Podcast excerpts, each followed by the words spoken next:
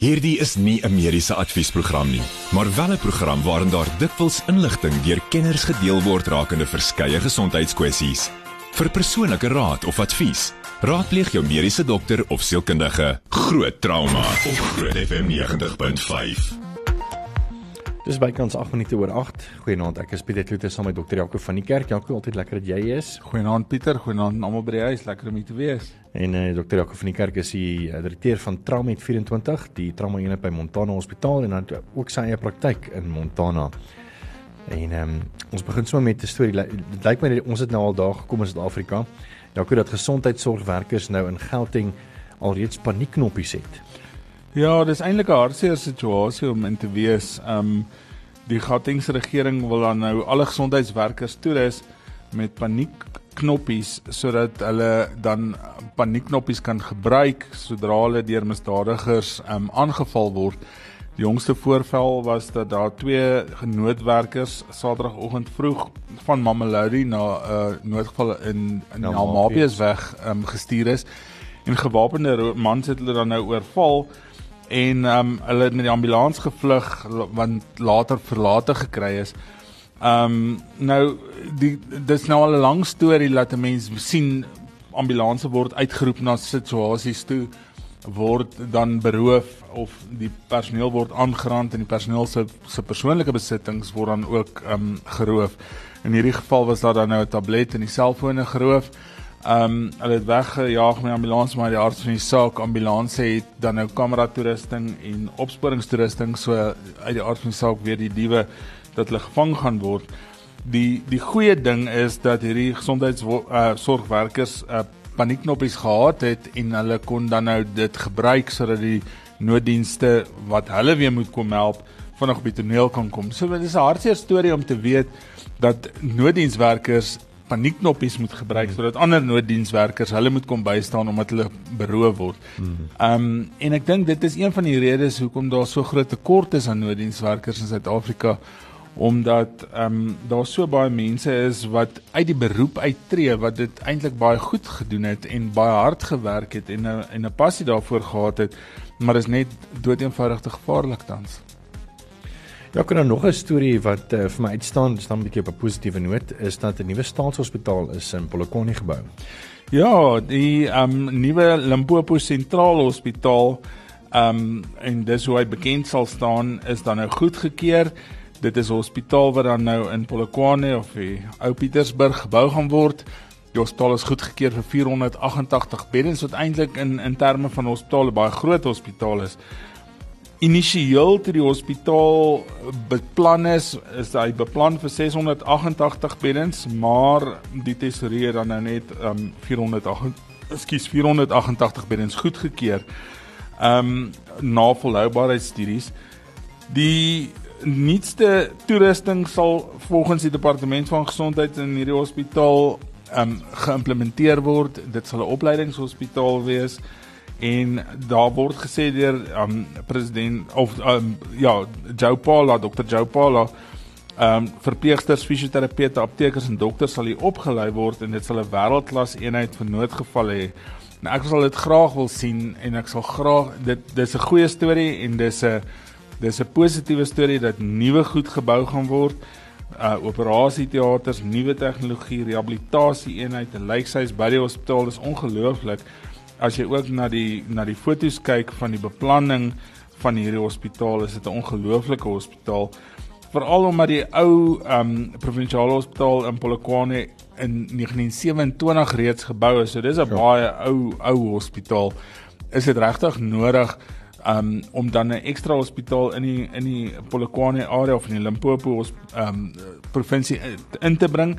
Um en dit gaan maak ook dat Gauteng nie so oorstroom word met pasiënte wat van Limpopo af verwys word vir tersiêre sorg na Gauteng toe nie. So ek dink dit gaan Gauteng help aan die einde van die dag, dit gaan Limpopo help aan die einde van die dag en ek dink um so solank hulle net by die beplanning hou. Nou die beplanning is dat hierdie hospitaal op die laaste Desember 2026 voltooi moet wees. Ehm um, en hulle het dan nou op Dinsdag wat Mandela Dag is, die eerste sooi gespit volgens die, die artikel. Ehm um, en dan die hospitaal is aan die bou op hierdie stadium. Net hier nog ons 'n bietjie gesels oor hoekom is daar jodium in jou sout? So bly gerus ingeskakel daarvoor. Groot trauma met Pieter Kloete en dokter Jaco van die Kerk op Groot FM 90.5. Hier is iets wat ek weet nie of jy al oor gewonder het nie, jy weet, ehm um, baie keer as jy in 'n winkelsentrum instap, dan kan jy nou kies of jy kan ehm um, sout koop wat sonder jodium is en dan kan jy sout koop met jodium in, weet die iodine uh salt with iodine. En ek weet nie of jy al gewonder het hoekom is is is is dit net omdat dit nou van die see af is, is dit nou 'n verskillende produk of wat is die storie? En ons het 'n interessante geskiedenis oor hoekom is daar jodium in mense sout, Jaco? Ja, Pieter, ehm um, jodium is eintlik ongelooflik belangrik vir die mens se ontwikkeling, intellektueel en en ontwikkeling van die mens as sulks. Ehm um, en dan uit die aard van die saak 'n tekort aan jodium gaan dan probleme met intellektuele ontwikkeling en en ander ontwikkelingsabnormaliteite veroorsaak. Een van die abnormaliteite wat die algemeenste veroorsaak word is die endemiese goiter en dit is maar hierdie vergrote skildklier. Dis een van die redes van 'n vergrote skildklier. Daar's ander redes ook, maar dis een van die redes. En die rede daarvoor is dat 'n mens dan 'n tekort het aan jodium. Die jodium is 'n is 'n mikronutriënt of 'n of 'n mineraal wat dan nou voorkom in baie voedingsstowwe um, en interessant genoeg by die see of naby die kus is daar baie meer jodium in die in die kos en in die in die voedingsstowwe wat daar geproduseer word as wat daar in die binneland geproduseer word. Um die die rede daarvoor is dat dit is 'n of jodium word 'n swaar element genoem en dit is 'n groot anatomiese massa soos 'n groot molekuul in terme van van minerale en dit die vlakke daarvan in gewone grond hier in die binneland is baie laag. So die oomblik wat 'n mens dan 'n jodium tekort ontwikkel as mens spesifiek kyk na die skildklier, um jodium is baie belangrik in die of in die in die in die, in die funksionering van die skildklier dan gaan jy eintlik kry dat die skildklierhormoon of tiroksien wat deur die deur die skildklier geproduseer word, gaan verminder in die in die bloed en dit gaan weer 'n terugvoer meganisme. Dit is eintlik 'n baie komplekse stelsel wat dan nou soos wat die, die brein agterkom, daar's te min skildklierhormone in die bloed, gaan die brein oormatig tiroïed stimulerende hormoon maak. So die as is eintlik of die die die beginsel is eintlik in jou brein is daar die hipofise. Die hipofise is 'n klieragtige struktuur wat al die hormone in jou liggaam beheer. Dit maak 'n hormoon wat ons TSH of tiroïed stimulerende hormoon noem wat dan in die bloed vrygestel word. Eh, dit die bloed kom uit die aard van die saak in aanraking met die skildklier wat dan jou skildklierhormoon maak. Maar as jy nie jodium het nie, kan jou skildklier nie hierdie um hormoon maak nie en dit gee vir jou brein dan nou die die indruk dat hy te min van hierdie tiroïed stimulerende hormoon maak. So oorproduseer hierdie brein van jou dan nou tiroïed stimulerende hormoon en dit maak dat jy dan 'n vergrote skildklier kry. Um dit kan een van twee effekte hê. Jy kan of mees algemeenste hipotiroïese kry, met ander woorde 'n onderaktiewe skildklier. Maar sommige mense kry ook simptome van hipertiroïese of 'n ooraktiewe skildklier. So as mens gaan kyk na na hipotiroïese of onderaktiewe skildklier, dan kyk 'n mens wat is jou simptome is eintlik maar moegheid, geïrriteerdheid, depressie, hoofpynne, geswelde bene, um onverklaarde gewigstoename, um onvermoë om gewig te verloor, jy het nie hierdie krag nie, jy het hierdie kroniese moegheid en dan hipertiroïese of die ooraktiewe element daarvan in sommige mense ongelukkig kry is dan nou uit die aard van saak hartklopping, sweet, angstigheid, uh gewigsverlies weer. Nou vir baie mense sal dit seker 'n goeie ding wees, maar um dit is nie so goed as jy hipertiroïties is nie. So die endemiese goiter of die vergrote eh, die vergrote skildklier het eintlik twee groot effekte en dis dis een van die redes hoekom 'n mens baie keer dit moet opereer is um een dis kosmeties nie aanvaarbaar vir baie mense nie en twee um die stembande se senuwee of die rekurrenslaryngeale senuwee loop deur die skildklier so mense kan heesheid en spraakprobleme of stemprobleme ondervind as dit die skildklier regtig te groot raak. Sjoe, dis interessant.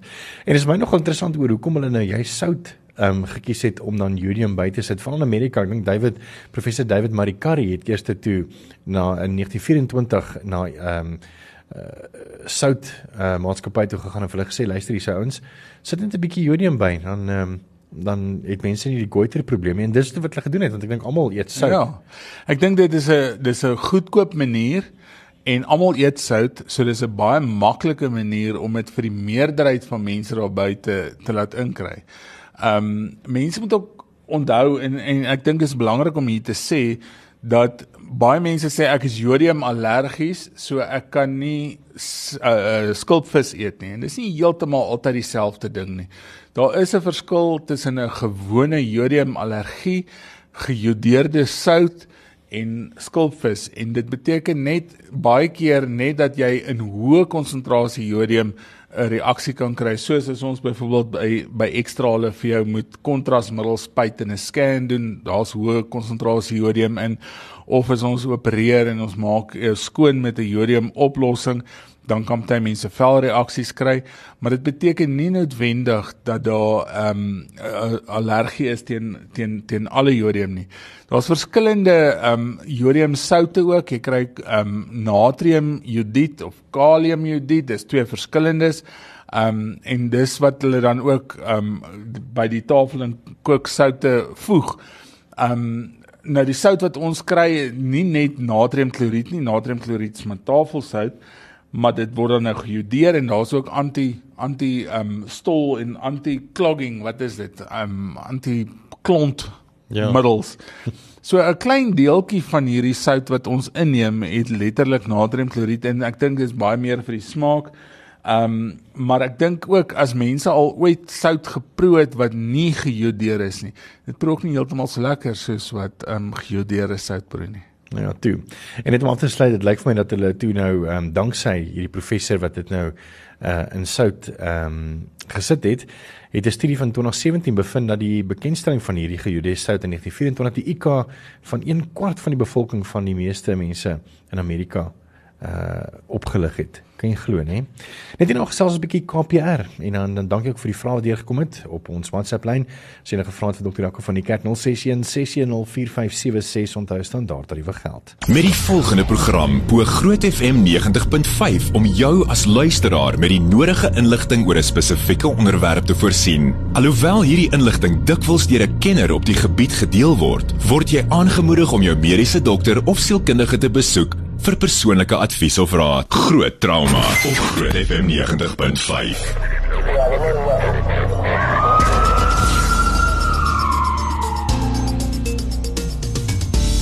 Welkom terug. Ek is Pieter Kloete saam met Dr. Jaco van die kerk en ons gas vanaand is Aldus Smith Alipad van Potchefstroom spesiaal ingryf vir hierdie onderhoud. Dankie eers vir jou vir jou tyd Aldus en ehm um, dit het gaan baie lekker wees om jou te gesels vanaand. Ons gesels 'n bietjie oor KPR en ehm um, net 'n bietjie uh, agtergrond te gee. Jy is ehm um, jy's 'n lektor by die Noordwes Universiteit ehm um, en jy's natuurlik in noodmedisyne uh, of voor hospitaalse ehm um, noodmedisyne en jy is ook jy, jy het ook 'n passie vir ehm um, voor hospitaalse mediese goeders. Uh en natuurlik is jy ook die media persoon van die Risas Council. Vertel ons 'n bietjie meer oor die Risas Council. Dankie Pieter, uh Dr. Jaco, um dit julle my genooi het, is 'n groot voorreg. Uh so jy het reg gesê daar, um ek is um op die Risas Council se executive committee en uh my portfolio is media and marketing. En dit is maar 'n groot dryf van ons kant af om net seker te maak dat ons soveel as moontlik um inligting oor KPR vir die mense daar buite kan kry. Uh daar is uh, jare en jare se statistiek wat vir ons wys dat uh, hoe vinniger ons 'n um, persoon toesnel met hulp, hoe groter kans is die oorlewing. Um so um, ons ons dryf is absoluut om soveel as moontlik mense op te lei sodat hulle die kundigheid en die en die um wil amper of sê die vermoë het om hierdie hierdie uh, vital skill te kan toepas. En ek dink een van die die kursusse wat die Research Council aanbied is juist die ehm um, die hands only CPR en ons gaan 'n bietjie daaroor praat oor KPR en die belangrikheid daarvan. Hoekom dink jy is dit belangrik dat mense moet moet leer, weet byvoorbeeld ek wat nou nie 'n mediese graad het nie, ek's nie 'n dokter nie, weet ek kan nie pille gee en en ek kan nou nie 'n tube in iemand se mond afdruk nie. Hoekom is dit vir my belangrik om om te weet om te KPR? So dit is ehm um, ons het ons het alle mense wat kursusse doen en ehm um, ek noem altyd vir hulle dat hulle is dalk daar vir vir werk. Hulle dis 'n werksvereiste om ehm um, effektief te kan wees in KPR en 'n kwalifikasie te hê, maar uh, hierdie ding kom onverwags. 'n uh, Persoon wat in hartstil hartstilstand ingaan, uh, kan gebeur langs die braaivleisvuur. Dit kan 'n verstikking wees by by 'n partytjie op jou seevakansie, jou valrivier vakansie. So dit is dit is krities dat mense van die publiek dit weet. Ook so nooddienste is nie altyd oral op elke hoek nie. Hulle staan nie en wag vir jou oproep nie. Uh, en daar's baie ander mense waarna hulle kyk van geboortes tot sterftes en motorvoertuigongelukke. So sou iets gebeur wil ons regtig hê mense van die publiek moet moet nie terugstaan nie en en vooruitgaan en vir ons hierdie basiese goed in plek kry. Um die uh, American Heart Association, uh, dit klink ongelukkig net beter in Engels. Mhm. Uh, hulle het vir statistiek gegee en gesê dat vir elke minuut wat iemand in hartstilstand is en ons nie KPR doen nie, verloor hy 10% kans op oorlewing. En en dit is noemenswaardig. Ek meen as jy daai sommetjie maak na 10 minute en jou hart is in stilstand beteken beteken dit niks as ons wel daar aankom nie. Mm. So dit is absoluut vitaal dat dat dat enige ou ehm um, as 'n kans sal ek elke liewe karwag oplei om mm. om net net te begin, net net daai bloedsirkulasie aan die gang te kry en aan die gang te hou en dit is dit is die belangrikste ding. Ek dink van my kant af is dit belangrik om te sê dat ek dink die heel belangrikste van enige resusitasie is die mense wat eintlik glad nie met medisyne iets te doen het nie. Dit is gewoonlik daar waar niemand is wat iets van medisyne weet nie. En baie mense is bang dat hulle iemand gaan seermaak of dat hulle gedagvaar gaan word want jy hoor as jy as jy TV kyk en jy kyk na Amerika en jy kyk na die na die flieks dan kyk jy raak net aan iemand jy kyk net skeef vir iemand dan so 'n hofsaak maar mens word tog beskerm deur die feit dat dat jy iemand probeer help nommer 1 en as jy nie daar is om iemand te help nie dan gaan ons nooit 'n kans hê om verder te gaan nie. Jy gaan daar aankom en dit gaan te laat wees. Ek gaan nooit eers weet jy was daar om te laat te wees nie. En ehm um, dit is ongelooflik belangrik dat almal 'n bydrae lewer. En ek dink die heel belangrikste persoon wat eintlik die lewer het is die ou wat eerste daar staan Absoluut, die mense van die publiek is uh ons oë en ore. Hulle gaan hulle gaan daai identifisering doen. Hier's 'n probleem en uh, hier's 'n persoon met 'n probleem of 'n persoon in moeilikheid. Hulle gaan die noodnommer skakel en um dit is absoluut vitaal dat dat hulle die mense daar uitkry. As ek mag, um ons het vers, verskriklik 'n vers, uh, groot verskeidenheid um nooddienste in ons land. Ehm um, ek wil graag noem dat 911 wel werk en daar was 'n interessante storie daar agter. In 2010 met die Wêreldbeker het hulle besluit ons kry al hierdie internasionale besoekers en ons het nie net een sentrale noodnommer nie. Vir Suid-Afrika is dit eintlik 112, maar bitter min mense weet dit. So ek wil eintlik die luisteraars gerus gerusstel en jy is welkom om dit te probeer. Indien jy 911 bel, dan gaan hy divert soos ons die die term ken na 112 toe. So dit werk eintlik vir my fantasties want as ek nou in 'n mall en iets gebeur, kan ek vir enige ou skree Luister, jy bel vir my 911, ek het 'n probleem, hier's 'n persoon in arrest en daai persoon weet onmiddellik wat het jy nodig. As ek vir 'n ou sê bel uh, hierdie snaakse nommer, hierdie lang selfoonnommer, dan gaan hulle nie noodwendig weet wat om te doen nie, maar reg oor die wêreld dink ek is dit 'n refleks dat ons weet 911 werk. Hmm. Um Dr. Jaco, jy het 'n uh, definitiewe punt B daar. Ons kan uh, mense seermaak deur KPR te doen. Maar ons wanneer ons die opleiding gee dan kom ons altyd tot op die tot op die punt die persoon hul nie asem nie, daar is nie 'n puls nie. Indien ons kompressies doen en daar is 'n baie klein kans dat ons 'n rib uh breek in die proses, daai kan ons regmaak. Daai kan ons fix. Uh ons kan nie ons kan nie die persoon se lewe terug terugkry uh, outomaties nie. So dis regtig belangrik dat ons besef dat ons uh, hard moet werk op hierdie pasiënte om om te probeer om hulle deur te kry. Daai ding van hardwerk, ekskuus Pieter, ek weet jy wil nee, nee, seker advertensie of iets, maar daai ding van hardwerk is is so belangrik. Ek ek het altyd die beginsel van ek sal eerder gebreekte ribbes en 'n gekneusde borskas vat en lewe as wat ek met 'n intakte of heel ribbes in die kus lê. Mm. Dis nommer 1. En mense dink ook baie keer, jy weet, jy sien hoe mense se elmboë heen en weer gaan is eintlik net die elmboë wat beweeg geslo op TV jy goed ook sien. Dis harde werk om te KPR. Dit is nie sommer net so nie. As jy volwasse vat, is dit nog 3 4 tot 5 cm. Is dit daar by 4 cm? Ja, dokter is reg. Jy moet indruk. Ja. En dis dis dit vat effort, jy weet, en, en jy moet dit jy moet dit vinnig doen, jy moet dit effektief doen En as jy dit nie so doen nie, dan ehm um, gaan jy nie effek hê nie. Maar ehm um, as jy dit so doen, gaan jy weet al is jy fiks 2, 3, 4 minute raak Mm. lank dan. Ek Ja. dink nie mens kan nie. Ja. Nee, absoluut. En ons sien dit ook in ons opleiding en dit is wat ons wil hê. Ons wil hê mense moet na na klas toe gaan, hulle moet hierdie uh, hands-on experience gaan hê. Voel hoe dit voel om kompressies te doen en en moeg raak daaruit sodat hulle kan besef ehm um, dit dit is, is regtig harde werk hierdie. Ehm um, so nee, dit is dis definitief 'n uh, 'n moeisame proses, maar spanwerk op op die einde van die dag is 'n is 'n belangrike deel van dit. Ons het hier nou weer terug gesels saam 061 610 4576. Onthou standaard tariewe geld. Groot trauma met Pieter Kloete en dokter Jaco van die Kerk op Groot FM 90.5.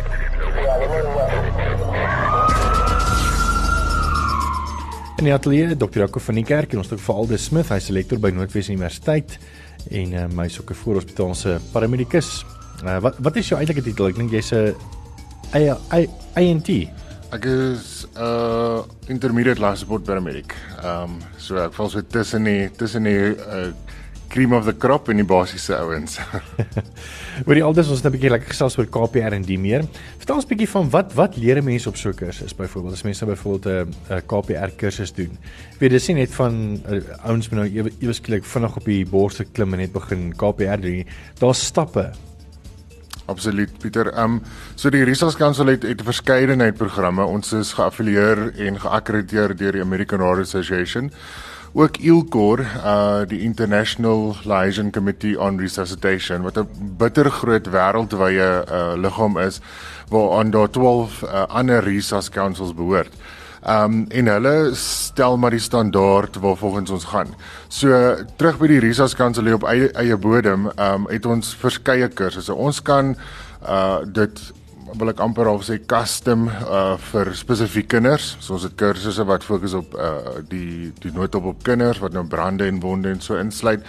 En dan het ons uh, KPR vir vir professionals soos ons dit noem, CPR vir professionals wat soortgelyk is aan die meer bekende basic life support kursus van die American Heart Association.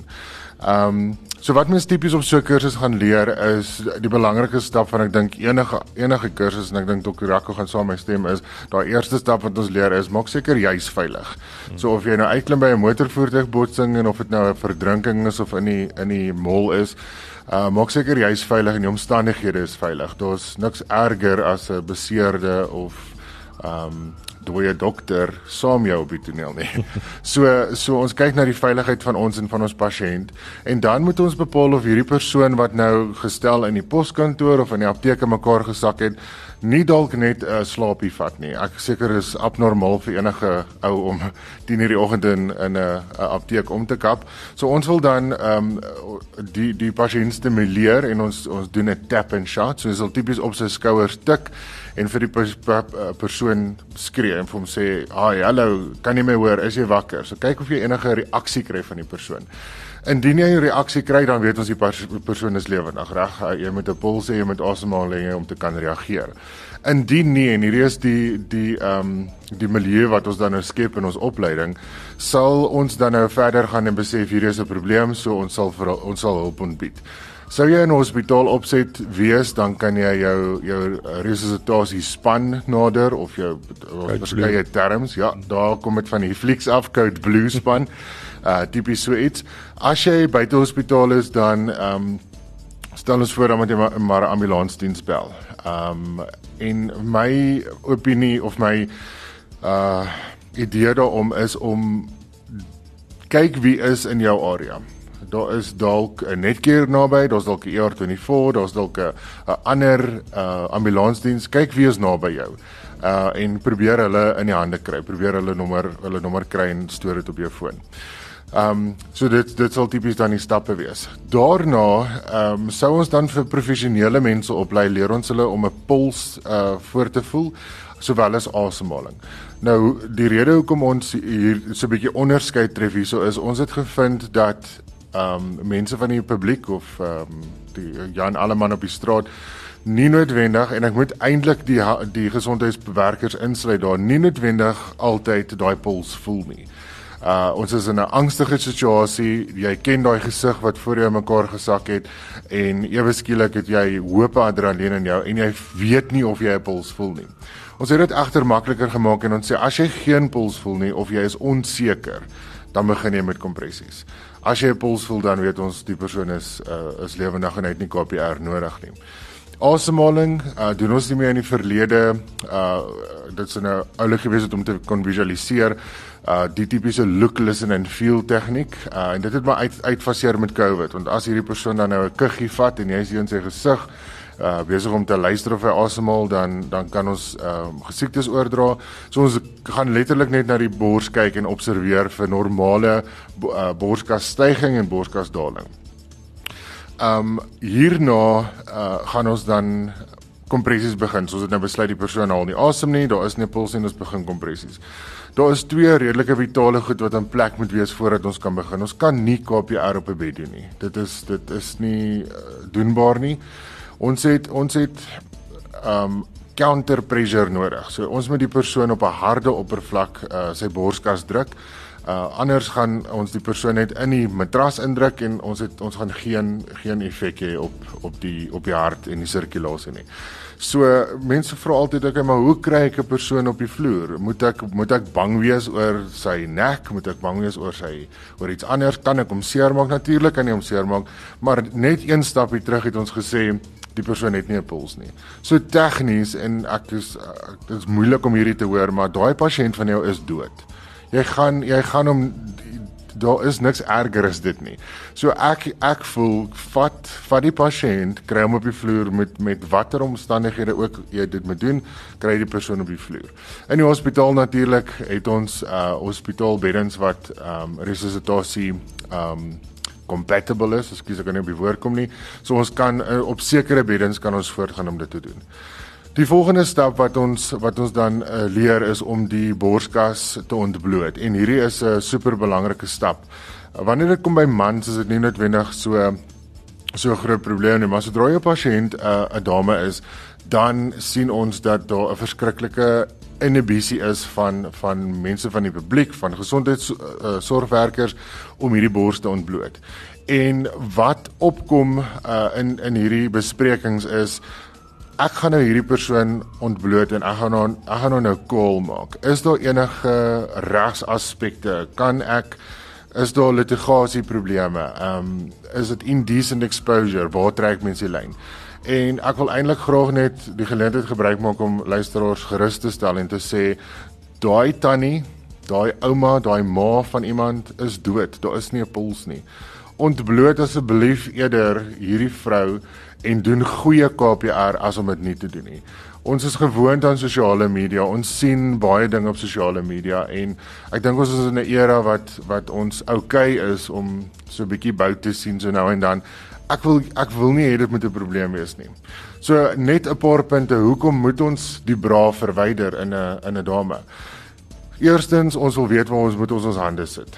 Uh so ons wil kyk na die borsbeen en ons wil hom op die onderste deel van die borsbeen sit. Tweedens, sodra daar uh meer gevorderde personeel gaan opdaag, gaan hulle iets gebruik wat ons noem 'n defibrillator of 'n defibrillator en hy kom in twee opsies. So ons gaan of daai Dit lyk soos 'n strykystertjie pedals, daar wat jy tipies op die op die fliek sien, of dit gebruik, dit noem ons 'n manual defib of 'n AED. En 'n AED is 'n outomatiese ding en hy gaan uh net so onder die regterkantste sleutelbeen en dan net links van die linkerkantste nippel.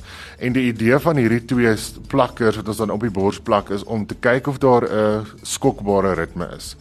Hierdie masjien analiseer dit en dien dan 'n skok toe indien dit indien dit uh, van toepassing is. En vir al hierdie redes, uh moet ons moet ons ons pasiënte totaal en al ontbloot. Ek wil graag net statistiek deel. Die Amerikaners het het gereken 'n rukkie terug dat die blote feit dat jy 'n dame is, is jou kans om KPR in die publiek te ontvang 30% minder as 'n man se. Sure. En ek ek weet nie van julle nie, maar dis 'n eerste wêreldland en as hulle sulke sulke nommers het, wat is dit hier in ons land? het ons mense wat net terug staan en niks doen nie en en ek ek wil ek weet nie maar ek wil amper al sê ek kan nie dink dat dit beter is as in 'n eerste wêreld land nie. So ek wil regtig hê ons moet ehm um, doen eerder iets, weet eerder hoe om iets te doen en jy het dit nooit nodig in jou lewe nie as wat jy daar kom, jy kry hierdie persoon op die kombuisvloer en jy het geen idee wat om te doen nie. So dan doen ons kompressies, um, ons moet 5 cm diep druk, dokter Jaco soos dit reg gesê het. Um en ons moet dit doen teen 'n redelike vinnige tempo, 100 tot 120 kompressies per minuut. Um wat wat redelike se staying alive. Staying alive, ja, die Bee Gees. Die Bee Gees se se staying alive help ons daarmee. Daar is uh, 'n uh, hele playlist iewers op die internet wat vir ons uh, liedjies gee wat ons kan help om hierdie te doen. So ehm um, daar is definitief uh, manier om ons te help. So dan moet jy hierdie ritmiese kompressies doen en vir eers is dit eintlik genoeg. So net so 'n bietjie fisiologie daar agter. Wat ons nou doen is hierdie hart is in stilstand en ons gaan dan nou van die buitekant af uh eksterne kompressies doen. En ons gaan die hierdie pomp vat en hom uh, half op 'n manual manier die bloed probeer sirkuleer. As ek een ding kan verander in my lewe, sal ek sal ek die die woord CPR verander en dit dit dalk net CR maak en en my my afkorting sal wees vir cerebral resuscitation want dit is eintlik die orgaan wat ons in die, aan die gang probeer hou. Um die die cerebrum die brein. Dit is die biologiese term vir die brein. So dis absoluut die brein. 'n 10 minute sonder suurstof jy gaan nie normaal jou normaal herstel nie. So hoe langer die brein sonder suurstof natuurlik hoe meer die skade. So dit is dan die kompressies en dan baie vra moet ons mond tot mond asemhaling doen? Is dit van pas? Is dit nie van pas nie? Dit is nie van pas, pas nie. die Amerikaners het vir ons gehelp met dit of kan kom ek maar sê oor Ilkor die die ehm um, die groot liggaam in die in die wêreld en dit is oukei okay om net kompressies te doen in 'n volwassene. Want wat ons doen is daar is nog massa suurstof in reserve. Solank ons dit sirkuleer en dit by die brein kry. So dit dis die groot ding. Mond tot mond asemhaling, uh ja, wat het daai ou geëet, wie het hy gesoen, wat se siektes het hy? Die kans op op uh siekteoordrag is net te hoog. So ons doen opleiding en ons sê as jy gemaklik is met dit, absoluut go ahead. Maar it is not recommended. Maar selfs met ordentlike goeie kompressie druk jy tog half ehm um, forceer jy lug uit en soos wat jy die die recoil van die long trek ook dan 'n bietjie lig in, jy weet. Jy's 100% reg Pieter. Die probleem met dit is net ons gaan dan iemand he, moet hê om my lugweg oop te hou. Want as as ons alleen is en ons doen net die kompressies, dan gaan daar nie noodwendig lug lug by die lugweg uit nie. Omdat ons pasiënt se uh, dan nou in 'n neutrale posisie lê, die lugweg is debatteerbaar. Is hy oop, is hy nie oop nie. Indien ons iemand het wat wat aktief daai lugweg oop hou, absoluut, dan stem ek saam met jou. Want ons verhoog daai daai drukking in die borskas of die die goeie term is die intratorakale druk en ons maak dan 'n negatiewe druk wat dan weer die die lug intrek. Ja. Ons is net hier nou weer terug en ons gaan lekker weer verder gesels bly geskakel. Met die volgende program bo Groot FM 90.5 om jou as luisteraar met die nodige inligting oor 'n spesifieke onderwerp te voorsien. Alhoewel hierdie inligting dikwels deur 'n kenner op die gebied gedeel word, word jy aangemoedig om jou mediese dokter of sielkundige te besoek vir persoonlike advies of raad. Groot trauma met Pieter Kloete en dokter Jaco van die Kerk op Groot FM 90.5. Ons sluit af vir ons onderwerp vanaand wat KPR is en ons gas is Aldus Smith, hy's van Noordwes Universiteit en natuurlik Dr. Janko van die kerk wat ook hier so is en hier is 'n mooi boodskap wat ehm um, wat Fransjo Malan vir ons gestuur het. Nou ons sê dis Fransjo sorry jy het nou net gemention van weet iets en gebruik dit nooit nie. My dogter het in skool het sy noodhulpklasse gevat en sy het dit gedoen en sy het uitgehelp by die noodhulp sy wil nog steeds opskerp en alles wat sy daar geleer het leer sy. En so sy ook vir my al gesê het is pa ek wil nie hierdie goeters toepas nie maar ek moet dit weet want sy ou peer nou en alles. As daar 'n probleem is kan sy help. En dit is nie dat sy nie kan weet nie. Sy weet dit maar sy wil dit nie gebruik nie. Baie waar nê? Weet jy dat iets en as dit dan op jou pad kom dat jy dit weet wat om te doen as wat jy nie weet wat om te doen nie op jou pad nie weet Ja, absoluut. Ek dink uh, net soos ons genoem het in die breek, dis soos 'n vuurwapen. Ons intensie is nie om hom te gebruik nie, maar ongelukkig het ons hom soms nodig en wanneer hom nie het nie, dan is dit 'n moeilikheid. So dis presies uh, soos hierdie skill. Ehm um, ek wil vir, Francois se dogter sê well done. Steek mense aan. Kry meer mense om hierdie te doen. Is absoluut die dryf wat ons wat ons het. Ehm um, ek het van kleins af wou ek nie die ou wees wat in die skare staan nie. Ek wou die ou wees wat ehm um, my bes probeer om daai persoon nog 'n kans op lewe te gee. So hmm. absoluut, dit is ehm um, stuur sommer jou pa vir 'n KPR opleiding saam met jou volgende keer. ja, ja.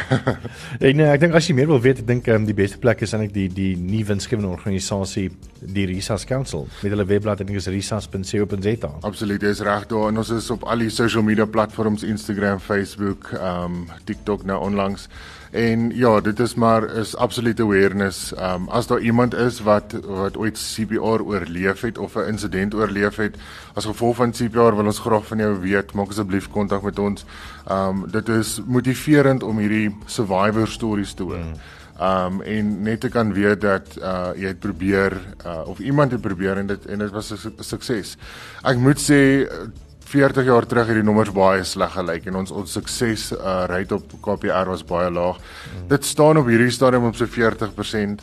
Um eerder probeer en jy weet het alles gedoen uh, as wat jy nie probeer nie. So uh, ons nommers kom op. Dit gaan nooit 100% wees nie. Mm. Ons almal gaan in kardiale arrest ingaan eendag. Ons gaan sterf. Dit is deel van deel van die lewe.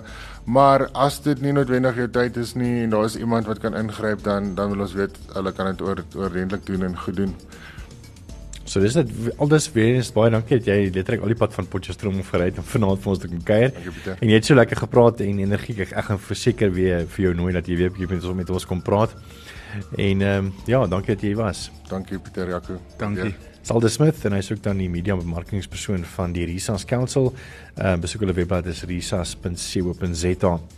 Jaco net gou vinnig af te sluit. Ehm uh, iemand se boodskap wat vra vir Jaco is. Ja, ehm um, Sy sê goeienaand, ek wil graag hoor um, wat veroorsaak die rooi vlekke op die bene bo kan die enkels op beide van haar bene. Ehm um, klink my soos tipe 2 diabetes die pasiënt en ehm um, bloeddruk so 139/93 wat eintlik so op die grens van hoë bloeddruk is. Ehm um, daai lyk baie keer sy sê sy was by kliniek gewees en die suster het 'n salf voorgeskryf, maar sy sê sy weet nie wat dit regtig is nie. Ehm um, daai lyk en en daar's baie ander oorsake ook, maar as mens na die twee foto's kyk, wat sy sê lyk dit soos kroniese venese inkorting. En dis maar een van die goed wat wat tipe 2 diabetes sowel as hoë bloeddruk pasiënte kry, ehm um, wat ongekontroleerd is baie keer en dit is baie keer die verhoogde drukke in die venese stelsel. Dis die bloed wat teruggaan hart toe wat suurstofarm ryk of suurstofarm bloed is. Ehm um, en daar's daar's 'n oppervlakkige en 'n diep stelsel. So dis 'n redelike komplekse storie, maar ehm um, aan die einde van die dag lyk daai soos kroniese begin van kroniese venese inkorting. Pasiënte duidelik nog nie oud eh, soos soos 'n ouer persoon nie, maar mense sal baie keer die ouer persone sien wat met hierdie donker onderbene is, ehm um, verkleurde onderbene. Dis dan uit die aard van die saak langtermyn ehm um, kroniese venese inkorting duidelik soos vroeë stadium daarvan. Dis dit vir vanaand se groot drama. Baie dankie vir die saamluister en ek hoop jy het dan iets geleer. Hierdie potsending sal so teen die einde van die week op ons webblad wees grootfm.co.za. Dankie Jaco. Dankie Pieter. Groot trauma met Pieter Kloete en dokter Jaco van die Kerk op Groot FM 90.5.